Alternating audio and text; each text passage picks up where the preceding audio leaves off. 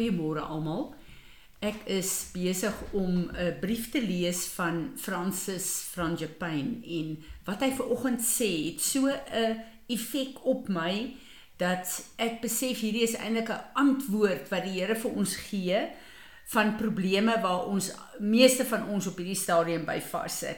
Ek wil vir julle die skrif lees, Jesaja 30 vers 15.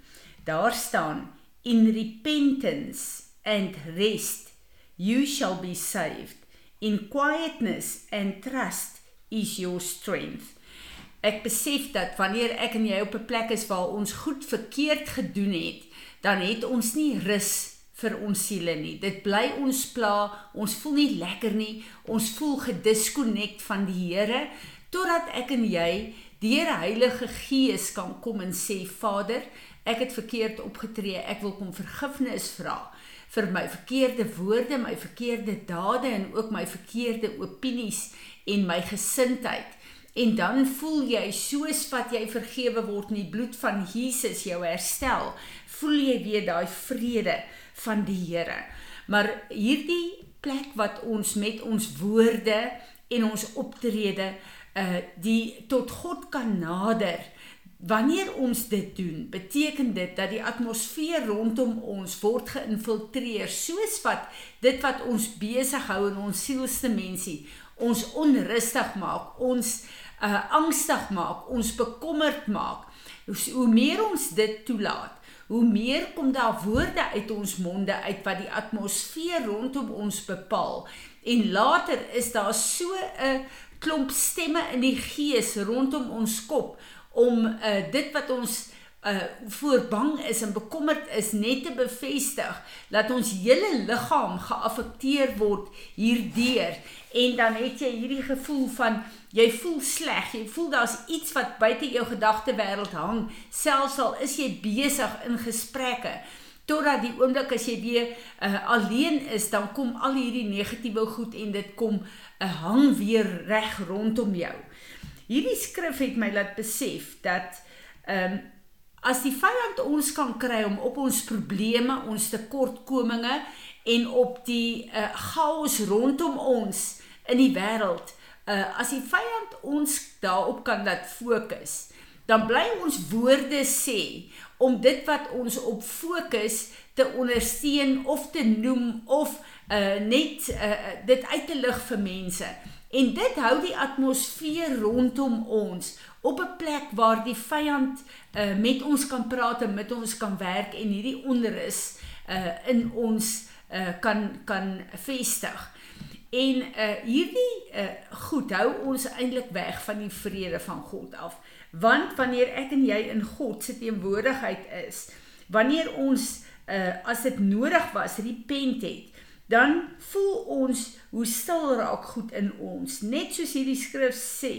En in daai stilte is het ons ons krag maar ook ons uh, vertroue. Dis vir my so ooglopend dat wanneer uh, ek vir iemand bid wanneer ek berading doen en ons bid en werk deur sekere goed.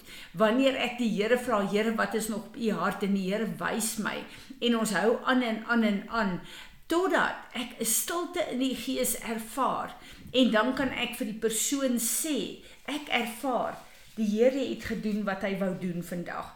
Daai stilte is ook 'n plek van vertroue, 'n plek waar ons sy stem duidelik kan hoor. Uh, as ons op 'n plek is waar ons sukkel om die Here se stem te hoor, dan moet ons in die gees uh, begin om die stemme wat met ons praat stil te maak in die naam van Jesus. Want dan is daar te veel stemme, daar's te veel goed wat in die gees aangaan wat ons fokus steel en wat ons uh, verhinder om God se stem te hoor. Die plek van om in stilte uh sy uh, sy kragte ervaar is letterlik daai plek om te weet dit maak nie saak wat aangaan nie my God is in beheer My God is die een wat my lewe en my voetstappe vir my rig. En hoe meer ek my fokus op die Here sit, hoe meer uh, word my ore ingestel om te hoor wat hy vir my wil sê. En daarom is dit so belangrik dat ons hierdie angstigheid en hierdie plek waar ons bekommerd is, bly na die Here toe bring. Want as ons dit nie doen nie, hou dit 'n gegons rondom ons ore en dit hou ons fokus weg van wie ons God is en van sy oorwinning en dit plaas ons fokus op ons probleme en op die goed waaroor ek en jy bekommerd is. Die Here kom en hy sê vir ons in Psalm 37: "See striving, it only leads to evil doing." As ek en jy self probeer om goed te verander soos wat ons goed bly bedink wat ons bekommerd maak. Uh maak dit 'n deur oop waar ons in die vlees goed kan besluit of doen wat beslis nie uh die die karakter van ons God is nie, die plan van ons God op ons uh, uh in ons lewe is nie. Ons moet weet dat elke keer waar ek en jy swak voel, waar hierdie goed ons skud, waar daar probleme in goed is, Die oomblik as ons dit vir die Here gee, dan verwyder ons die vyand se hou vas op ons en ons onderwerp ons tot God. En dit is wat Jakobus vir ons sê: "Nader tot my en ek sal tot julle nader." Dan roep ons die Here op die toneel van hierdie probleme wat ons het, hierdie uitdagings wat ons het. Ons het nodig om tot hom te nader want ons het sy teenwoordigheid in ons nodig. En dan kom die Here en hy gee vir ons hierdie absolute wonderlike belofte. The God of peace will soon crush Satan beneath your feet. Romeine 16 vers 20 dan kan ek en jy kom en sê my fokus my ore is ingestel op my God en my God het op Golgotha elke probleem elke bekommernis wat ek het reeds oorwin en daarom kan ek kom in elke leuen van die vyand kom kanselleer met die waarheid van sy woord ons moet besef dat die vyand is baie baie reël Hy is 'n realiteit op aarde, ek en jy weet dit. Maar alles wat hy sê, sy taal is 'n leentaal. En hoe meer ons na hom en ons probleme kyk, hoe groter maak hy ons probleme.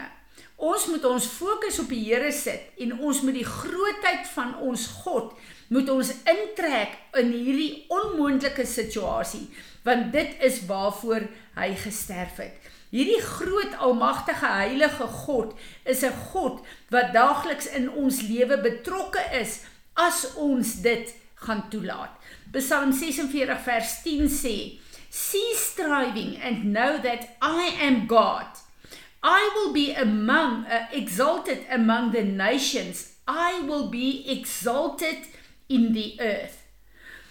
Die eerste plek waar hy uh verhoog moet word is in my en jou. Ek en jy is 'n stuk aarde. God het die mens uit die aarde uitgemaak en hy het ons uh, uitgehaal en hy het ons gevorm en ons geskape en hy het sy lewe in ons geplaas. God moet in my en jou lewe verhoog word sodat die wêreld dit kan sien. En hoe meer hy verhoog word in sy kinders se lewe, hoe meer sal dit die aarde vul. En wanneer ek en jy op 'n plek is waar God verhoog word in ons lewe, dan is daar soos wat die woord sê, is ons in God se geregtigheid. Die Engelse woord is in righteousness. Nou wat beteken geregtigheid? Wat beteken righteousness? Die 'n uh, uh, Hebreëse vertaling van hierdie woord beteken right standing with God. Ek en jy is in elke situasie in ons lewe staan ons reg onder God se autoriteit, God se opinie, God se wysheid en wat God van ons verwag in elke situasie. En ek het nodig om op daai plek te staan waar ek elke keer die geregtigheid van my God sal laat manifesteer en dat die stemme van die wêreld, my probleme, die leuns van die vyand, nie my opinies, my fokus en my ore sal steel om goed te doen en te sê wat nie van hom af is nie. En hierdie skrif wat die Here uh ver oggend vir my gee vir iemand in Nehemia 8 vers uh, 10 die laaste gedeelte is die uh blydskap van die Here is my krag en my beskerming. En hierdie blydskap is nie happiness nie wat wat 'n uh, 'n uh, 'n uh, uh, gekoppel is aan goed wat gebeur met my nie. Hierdie is 'n blydskap wat nie beïnvloed kan word nie want dit is my blydskap omdat die Here my gered het. Hy het my teruggekoop na hom toe.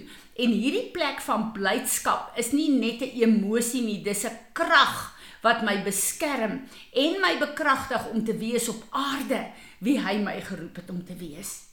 Mag hy ons help dat die blydskap van die Here ons krag en ons beskerming is. Vader, ons wil jubel en juig in hierdie oggend, vol vreugde omdat U ons gered het. Ons wil jubel en juig in hierdie oggend omdat elke plek op aarde is ons in oorwinning. Vergewe ons dat ons so maklik beïnvloed word deur probleme en deur uh, goed wat ons benoud maak en bekommerd maak. Ek wil ver oggend profeteer vir u magtige oostewind om oor ons te waai om alles wat ons opgerig het as gevolg van bekommernis en uh, angstigheid kom waai dit weg in die gees en kom infiltreer die atmosfeer rondom ons met u heilige teenwoordigheid sodat u glorie in en deur my lewe gesien kan word. Ek bid dat u verheerlik sal word, Here Jesus, deur die erfenis wat u deur ons optrede vir ons Vader gee. Amen.